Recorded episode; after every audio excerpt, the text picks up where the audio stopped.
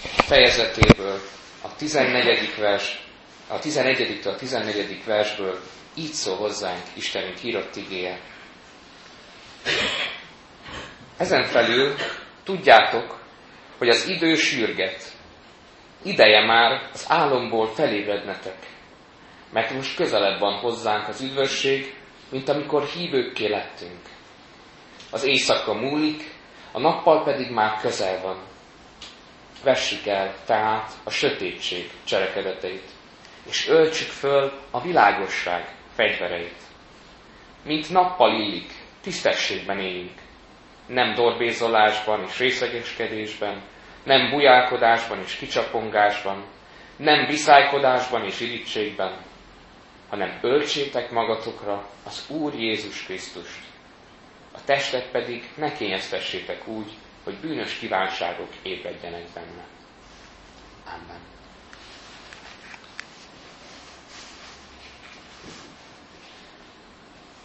Pálapostól itt tulajdonképpen egy nagyon ellentmondásos, de nagyon igaz üzenetet fogalmaz meg. Úgy is szokták ezt mondani a teológusok, hogy ez a már igen, de a még nem teológiája. Így szokták így leegyszerűsíteni ezt a gondolatot. Ugyanis azt jelenti ez a már igen, még nem, hogy mi már Krisztusban élünk, mi már megkaptuk az örök élet reménységét, de még nem tapasztaljuk a teljességét. Míg nem jött el Isten országa kézzelfogható, látható, mindenki számára egyértelmű módon, nem jött még vissza Jézus, még nem vagyunk ott, a mennyei lakomán. Már igen, de még nem. És ebben a kettősségben éljük az életünket. Az egész életünket, a hívő életünket, a hívő életünk előtti időket is folyamatosan ebben a kettősségben éljük. És erre a kettősségre keres válaszokat is az ember. Ez az ige egy egészen más ilyen szemléletmódot fogalmaz meg az időről, az életről, mint amit az emberek gondolni szoktak. Az idő fogalma számunkra a modern korban egészen más jelent sok esetben, mint a Biblia korában, vagy a Biblia szemszögéből nézve. Manapság úgy tekintünk az időre, és persze van benne igazság, hogy van a múlt, a jelen és a jövő. A múlt az, amiből erednek a hagyományaink, amiből e, táplálkozunk nap mint nap. A múlt az, amire mindig visszanézünk, esetleg amire nosztalgiázunk is, és álmodozunk róla, hogy na, mikor lesz újból. De a múlt mégiscsak mögöttünk van, és már elmúlt, nem lehet ugyanazt visszahozni. Ott van viszont az ellentéte, a jövő. És számunkra sok esetben ez a jövő, ez egy nagyon távlati, szinte megfoghatatlan, ám mégis elérendő vágyálom. A jövő, amiről mi sokszor gondolkozni szoktunk, az tulajdonképpen egy álom, egy cél, amit el akarunk élni, érni, amit meg akarunk valósítani. Mondhatjuk azt akár, hogy egy olyan öt éves terv, amit minden áron véghez akarunk vinni az életünkben. Eltervezzük, hogy ekkor ez fog történni, ekkor ezt fogjuk csinálni, és ekkor ezt szeretnénk, hogy Isten megadja. Hiába van fogalmunk a jelenről, a jelent gyakran elfelejtjük. Azért, mert vagy a múltban élünk, vagy pedig a jövőt szeretnék mindenáron megvalósítani. Sok, sok esetben a jelen nem is létezik a modern eh, kor emberének. Vagy a múltról, vagy a jövőről szól az életünk. Ellenben a Biblia időképe egészen más. Persze itt is van múlt, jelen és jövő, de valahogy ezek sokkal jobban összetartoznak, mint ahogyan mi külön szoktuk őket választani. A Biblia embere folyamatosan a jelenben él. A múltat is figyelme veszi, a jövőt is érzékeli és tisztában van vele, de a jelenben él. A múltat tartalmazza ez a jelen képzet, ez a jelen gondolkodás, ugyanis ez a múlt, ezek Isten ígéreteit jelentik. Ezek a múlt pontok, elmúlt pontok, élethelyzetek, amiket már magunk mögött hagytunk, ezek mind-mind Isten ígéreteit jelentik a hívő ember számára. És ezek az ígéretek élő ígéretek. Nem halott, nem elmúlt, nem hagyományba illő dolgok, nem nosztalgikus ígéretek, hogy de szépek is voltak, hanem ezek nagyon is valóságosak, a jelenre vonatkozó ígéretek. Vagy azért, mert megtapasztaltuk az ígéreteket, és csodálatosan átéltük ezeket, vagy azért, mert reménykedhetünk ezeknek az ígéreteknek a beteljesülésében. És bizakodással lehetünk, mert Isten az, aki meghatározza ezt az időt. És benne van, ahogy mondom, ez a jövő kép is a jelen képben. A jövő tulajdonképpen megelőlegzi nekünk, ez a jövő gondolkodás megelőlegzi nekünk az örök életet, a mennyei királyságot, Isten országát itt a jelenben. Tehát, hogyha a jelent úgy képzeljük el, hogy Isten az, aki a jelenben ad dolgokat, a jelenre adta a múltat is, múltban megtörtént dolgokat, és a jövőre vonatkozó dolgokat is a jelenben mutatja meg számunkra, akkor a jelen fölértékelődik, a ma fölértékelődik számunkra.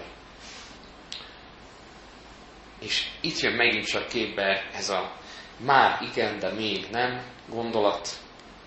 Jézus már megalapította Isten országát, és mi várjuk Isten országát. Várjuk azt, hogy oda fölvigyen minket Jézus. A múlt és a jövő egyszerre van jelen a jelenben. Azonban Pálapostól nem csupán ezt a képet akarja a levél olvasói számára, a római gyülekezet számára elmondani. Ez az idő ismeret, ez az időkép, amit a Biblia is át akar adni, ez csupán egy alap, amire építhetjük az életünket, de onnantól kezdve még rá kell építeni más dolgokat is, fontosabb dolgokat. És itt jön az az üzenet, ami tulajdonképpen beszél nekünk. Azzal kezdi Pálapostól, hogy az idő sürget. És fel kell ébrednünk ebből az álomból, amiben akár most vagyunk, akár nap mint nap próbálunk elaludni, és ebből kell felébrednünk, föl kell ébrednünk az álomból, mert az időnk sürget. Korábban beszéltem már egyik Isten tiszteleten, hirdetésben arról, hogy a tíz szűz példázatában az álom az tulajdonképpen mit is jelent. Az álom lényegében ez az elalvás, ez nem idegen az ember számára, hanem nap mint nap átéli. Vannak olyan pillanatok az életben, amikor elcsüggedünk, amikor ellankad a hitünk, amikor elalszik, vagy elaltatjuk a hitünket. Sok ilyen helyzet van, amikor elalszunk és nem bírjuk tovább azt a lelki feszültséget, azt a magas szintű várakozást. Akár például, hogyha Jézus várásunkról van szó, akár a lelki életünk folyamatos felkészültségéről. Vannak bizony olyan helyzetek, amikor elalszik a hitünk, amikor a lelki életünk egy kicsit elszúnyad. De Pálapostól mondja, hogy ebből mindenképpen föl kell ébrednünk. Talán most különösen is aktuális ez, hiszen magunk mögött tudunk egy évet, amiben, amiben sok minden dolog történt. Nyilván testvérek tudják, hogy mik történtek, nem is ezt akarom részletezni, hogy az én életemben, vagy mások életében, vagy a világ történelmi életében mi történt. Azt akarom csupán kiemelni, hogy ami mögöttünk is van, és akár még álomként is éltünk meg, abból föl kell ébredni, rá kell döbbenni arra, hogy most ideje van a cselekvésre, hogy újat kezdjünk. Újat, de egyben a Isten által régen megalapított módon. Azt mondja Pál apostol, hogy minden nap egyre közelebb kerülünk az üdvösséghez. Egyre közelebb kerülünk ahhoz, hogy meglássuk szemtől szemben, tiszta módon Isten országát. Most is ebben az üdvösségben élünk. Ugyanis, hogyha elfogadtuk, hogyha felismertük és megtapasztaltuk Jézus áldozatát, azt, hogy ő értünk halt meg a kereszten, és hitre jutottunk, akkor mi már ebben az üdvösségben élünk. De akkor miért mondhatja azt Pálapos, hogy egyre közelebb kerülünk ennek, ehhez az üdvösséghez, hogyha már benne élünk? Tulajdonképpen itt Pálapostól Krisztus eljöveteléről is beszél. Nem ö, csupán a eszkatonban, a jövőben vonatkozó eljövetelre, hanem a személyes életünkben is. Sokszor hallhattunk már erről vasárnaponként is, meg az alkalmakon is, hogy hogyan jön el Krisztus. De azért is mondja ez Pálapos, hogy az üdvösség közelebb van, mert ő, Krisztus az üdvösség. És egyre jobban, ahogy telnek a napjaink, az éveink, a mögöttünk lévő időszakból is, egyre inkább fölismerhetjük, egyre inkább jobban megérthetjük az üdvösség titkát, a megváltás titkát. Persze nem olyan nagy titok ez, hiszen már vannak, akik ismerik ezt a titkot, vannak, akik keresik, de e, igazából ez személyes megélés, és személyes titok. Ezért mondja azt Pálapostól, az üdvösség közel van, és ezért mondja azt, hogy föl kell ébrednünk ebből az álomból. Mert hogyha közeledik Krisztus, hogyha közeledik, egyre közelebb kerül a személyes életünkhöz, akkor nincs már itt az ideje annak a lelki alvásnak, amiről e, hallhattunk már. Az éjszaka múlik, a nappal pedig már közel van.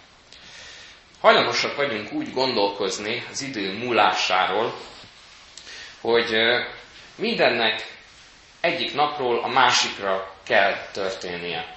Hogy van az idő egyik pontja és a másik pontja, és a kettő között egy egyszerű pengeéles határ van, amit, hogyha átlépünk, onnantól már más minden.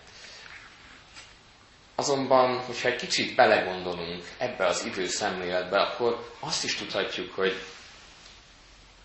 minden szépen apránként változik meg. Lehet, hogy vannak egy-egy pontszerű pillanatok az életben, amelyek hatalmas változásokkal járnak, de bizonyos háttér dolgok, vagy bizonyos élethelyzetek még mindig vissza-vissza jönnek az életünkben, akár kísértések, akár visszatérő bűnök, mindig vissza-vissza jönnek az életünkben. De ezért is mondja az Pápostól máshol, hogy öldököljétek meg az embert. Hogy ezeket a visszatérő dolgokat, amik vissza térítenének az álomba, ezeket vessük el magunktól. Sokan szoktunk új évkor fogadalmakat tenni, sokan szoktuk azt megfogadni, hogy mondjuk kevesebbet teszek, vagy mostantól fogva több időt töltök a családommal, számos más olyan dolgot meg szoktunk ígérni, amelyeket persze vannak, akik meg is tartják, vannak, akik kevésbé, és úgy gondoljuk, hogy na éjfélkor minden megváltozik. Nagyon szépek és jók ezek a fogadalmak. De hogyha az ilyen élet megváltoztatásnak nincsen alapja, ha csak annyi az alapja, hogy én meg tudom változtatni az életemet, akkor gondolhatunk arra, hogy ha ezeket a hibákat, amiket elkövettünk, és jövőre már nem akarjuk, újból elkövethetjük. Mert az emberem múlik. Ellenben, hogyha Isten tesszük meg az alapnak, akár például az újévi fogadalmakban is, pontosabban imádságként kérjük Istentől, hogy innentől kezdve ne így éljek. Akkor már ébrezgetjük magunkat. Akkor már Isten lelke az, aki felébreszt bennünket. Jézus eljövetelével már hajnalodik, nem csak a történelem, hanem a személyes életünk is. Ki hajnalodik, ki világosodik. És az a sötétség, az a lelki sötétség, értelmi sötétség, ami sokszor körülveszi az életünket, az innentől kezdve Jézus eljövetelével eltűnik. Mert Jézus eljövetele, Jézus világossága körülragyogja ezt a sötétséget, és beragyogja az életünket, eltünteti a sötétség legapróbb részeit is. Ezért mondja ezt Pálapostól a 12. versben, hogy vessük el a sötétség cselekedeteit, és öltsük föl a világosság fegyvereit. Ez egy nagyon érdekes és képletes megfogalmazás, hogy le kell vetnünk a sötétség cselekedeteit. Úgy is gondolhatunk erre, mint egy pizsomát le kell vetnünk, ami csak az alváshoz funkcionál, csak arra jó, hogy ne fázzunk az éjszaka, de igazából a napunkat nem abba töltjük. Hogyha elhagyjuk a lelki sötétségünket, le kell vetnünk ezt a lelki pizsománkat, ezt a lelki alvóruhánkat, hálóruhánkat. És fel kell öltenünk magunkra a világosság fegyvereit. Miért nem egyszerű ruháról, mindennapi munkaruháról beszélt Pálapostól? Azért nem, mert a keresztény ember élete az tulajdonképpen nem alvás vagy nyugalom, egyfajta ilyen gondtalan lelki állapot, hanem valóságos csata. Olyan csata, amit a mindennapi világban kell megharcolnunk, megküzdenünk, és ehhez szükségünk van fegyverekre. Hálóruhában nem lehet harcolni, elesünk benne, nem véd semmitől. De a fegyverek, a páncélzat, amiről beszél a Biblia sok helyen, azok a lelki fegyverzetek, az igazság szeretet, öve, a hit pajzsa, lélek kardja, üdvösség sisakja, ezek mind olyan dolgok, amiket föl kell vennünk magunkra, hogyha a világosságban akarunk járni, ha le akarjuk győzni a sötétséget, akár magunkban, akár a körülöttünk lévő világban, szükségünk van erre a védelemre. Ha magunk próbálunk megállni, újra és újra elalszunk. Ellenben, hogyha Istent hívjuk segítségül az életünkbe, hogy tudjunk küzdeni ebben a világban, jövő évben is, akkor ő ezeket a fegyvereket, ezeket a páncélokat adja számunkra. Azért, hogy megvédjen minket, hogy mi is ellen tudjunk állni. Egy kicsit gondoljuk végig ezt az évet, amint túl vagyunk nem sokára, gondoljunk végig, hogy mivel telt az évünk. Hogyan voltunk benne ebben az évben, hogyan éltük az életünket eh, Isten tervében, vagy a saját magunk tervében, mennyire aludtunk, vagy mennyire voltunk éberek. Nem önmarcangolásról eh, van itt szó persze, mert mindjárt vétkezünk. De hogyha igyekszünk ebbe a világosságban járni, hogyha fölöltjük magunkra ezeket a fegyverzeteket, akkor egyre inkább megszentelődünk, megtisztulunk ezektől a e, álmos helyzetektől, egyre inkább a világosságban fogunk járni, és tudunk nemet mondani a kísértésekre, és tudunk igent mondani Isten tervére, az Istentől kapott küldetésre. A nappal cselekedetei, amiről Pál apostol beszél, azok nem mások, mint a lélek gyümölcsei. Az a szeretet, az a türelem, az a hűség, az a jóság, szelítség, önmegtartóztatás. Különösen is az önmegtartóztatás van ebbe az igébe. És ha belegondolunk, hogy nem dorbézolásban, vagy részlegeskedésben, bujálkodásban, vagy kicsapongásban, viszályban vagy irigységben. Itt Pápus kifejezetten az önmegtartóztatást, a mértékletességet teszi főhelyre.